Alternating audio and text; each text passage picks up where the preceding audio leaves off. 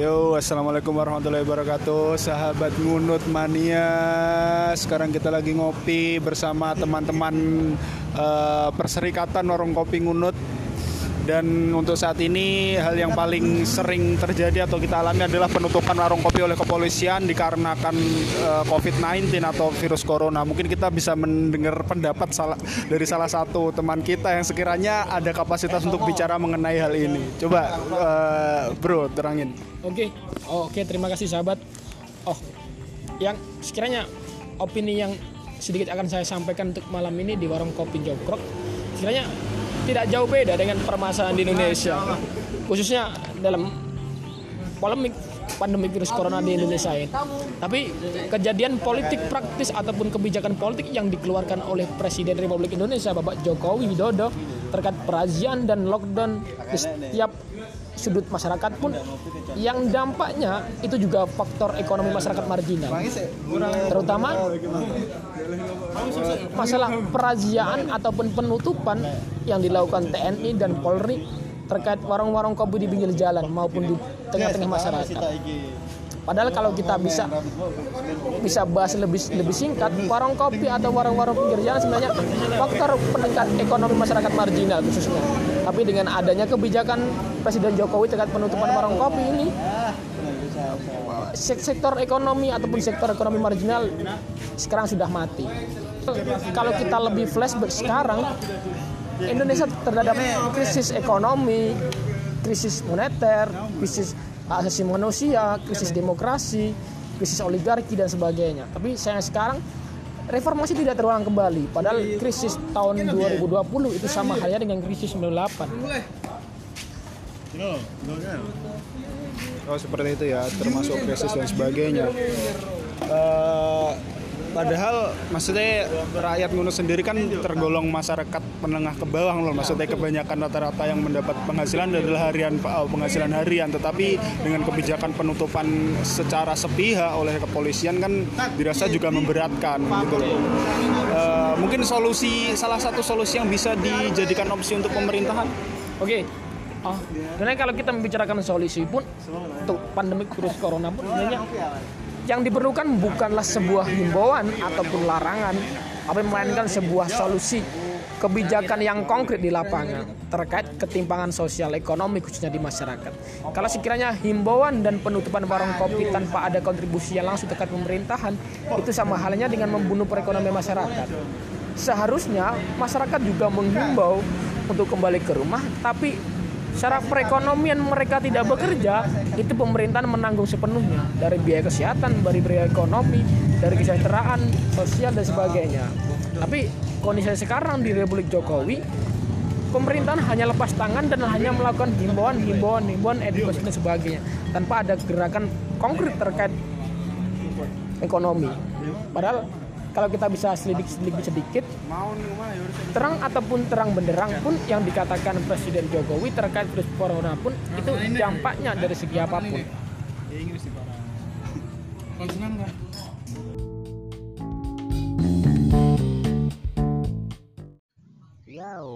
Halo sobat, selamat siang. Uh, sedikit uh, penjelasan ataupun sedikit opini yang akan sekiranya saya sampaikan di siang hari ini begitu penting dan sekiranya begitu relevan dalam kalangan pemuda Indonesia bahkan masyarakat dunia. Permasalahan komunisme, Marxisme, Leninisme, PKI di dalam negara Republik Indonesia itu sekiranya nama ini dimarginalkan dengan bentuk yang istilahnya lebih masyarakat pahami sebagai bentuk PKI.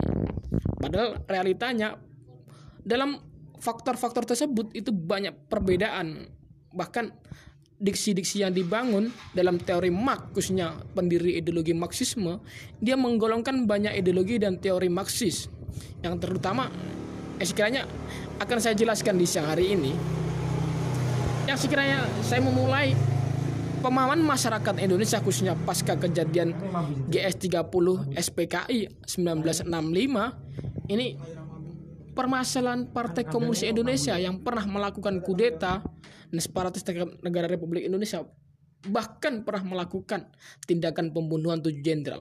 Tapi realitanya sebuah kebenaran harus diungkap. Padahal teori Marx ataupun teori Marxisme itu adalah teori yang sangat humanis, bahkan dia memanusiakan manusia ketimbang kapitalisme. Dan maka di kesempatan hari ini saya akan sedikit menjelaskannya. Bermacam-macam teori Marx ataupun Karl Marx bisa kita sebut sebagai ideologi Marxisme.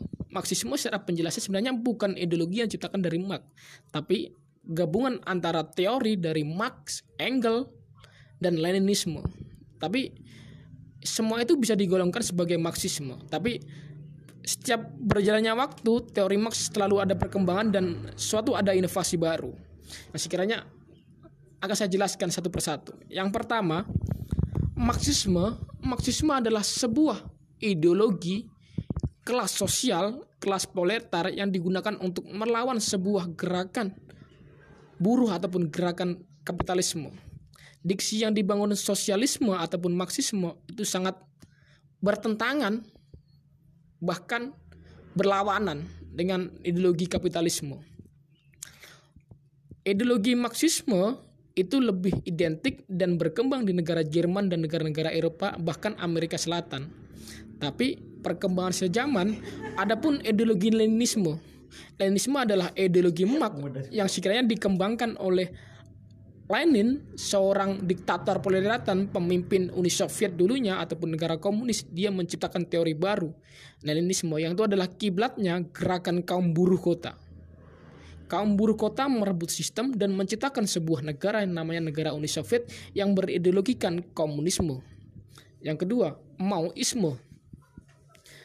Maoisme atau lebih dekat kita kenal sebagai uh, ideologi Republik Cina ataupun negara Tiongkok, ya sekiranya pandangan kiblatnya itu adalah negara ideologi Marxisme. Tapi gerakan yang dilakukan oleh ideologi ini berbeda dengan Leninisme. Mereka secara kiblat melakukan gerakan buruh-buruh desa yang contohnya seperti nelayan, petani, serikat buruh desa yang itu memanfaatkan ideologi Maoisme untuk melakukan perlawanan terhadap negara kapitalisme. Yang kedua, uh, yang biasa orang-orang awam adalah sosialisme. Sosialisme sebenarnya adalah sebuah ideologi perjuangan dan cita-cita luhur bagi orang-orang pengikut Marx terkait bagaimana mengelola sistem ekonomi atau sistem-sistem produksi dalam mengolah perekonomiannya. Dalam diskusi terkait sosialisme itu adalah sebuah teori pembagian sistem produksi itu dibagi sama rata. Berarti sistem produksi itu bukan dimiliki personal seseorang, tapi siapa yang mengerjakan sistem produksi tersebut itulah yang memiliki semuanya dan berhak untuk mendapatkan hasilnya. Itu. Kalau kita lebih jelaskan lebih kepada komunisme, komunisme sebenarnya adalah sebuah tatanan negara menurut saya bukan sistem ekonomi lagi, tapi tatanan bentuk negara. Ada tatanan bentuk negara federal, monarki, demokrasi. Tapi sistem komunisme itu adalah sistem tanpa kelas. Di situ tidak ada kelas proletar, kelas borjuis, semuanya rata dan semua terkait koordinator kebijakan apa pun itu diserahkan oleh yang namanya diktator proletar yaitu pernah terjadi dalam kemenangan negara Uni Soviet yang dipimpin oleh Lenin. Yang berikutnya ini mungkin yang sekiranya sensitif bagi masyarakat Indonesia, kira Partai Komunisme Indonesia. Ya, Partai Komunisme Indonesia sebenarnya adalah sebuah hanya sebuah partai yang berlandaskan yang berideologi secara gerakan pengikutnya adalah gerakan mak. Oke, oleh maka karena itu kita sebagai manusia yang terpelajar khususnya bagi masyarakat Indonesia untuk sejarah Indonesia sendiri harus dipahami khususnya negara-negara komunis, Marxisme, Leninisme banyak dan sebagainya. Tapi kita sebagai orang yang awam hanya mengeneralkan sebagai komunisme komunisme PKI identik dengan ateisme. Padahal bukan. Padahal ideologi ini sama seperti ideologi lainnya. Tapi diksi yang dibangun oleh komunisme ataupun marxisme itu adalah pertentangan kelas. Mereka tidak menginginkan ada kelas sosial di dalam masyarakat. Tidak ada kelas kaya tidak ada kelas miskin. Tapi semua disamaratakan. Seperti itulah. Dan sekiranya saya bisa menyimpulkan pembahasan untuk oh, siang hari ini untuk Marxisme, Leninisme, komunisme, PKI dan sebagainya sebenarnya ideologi yang sangat memanusiakan manusia karena dia menantang terkait penindasan, eksploitasi, pebudakan dan sebagainya. Maka daripada itu Mari kawan-kawan kita pahami sejarah, kita pahami sekat teori sosial, teori ekonomi, dan maka itu kita bisa bergerak dan kita bisa hidup dalam masyarakat Indonesia yang lebih baik dan sejahtera. Panjang umur perjuangan, salam sejahtera.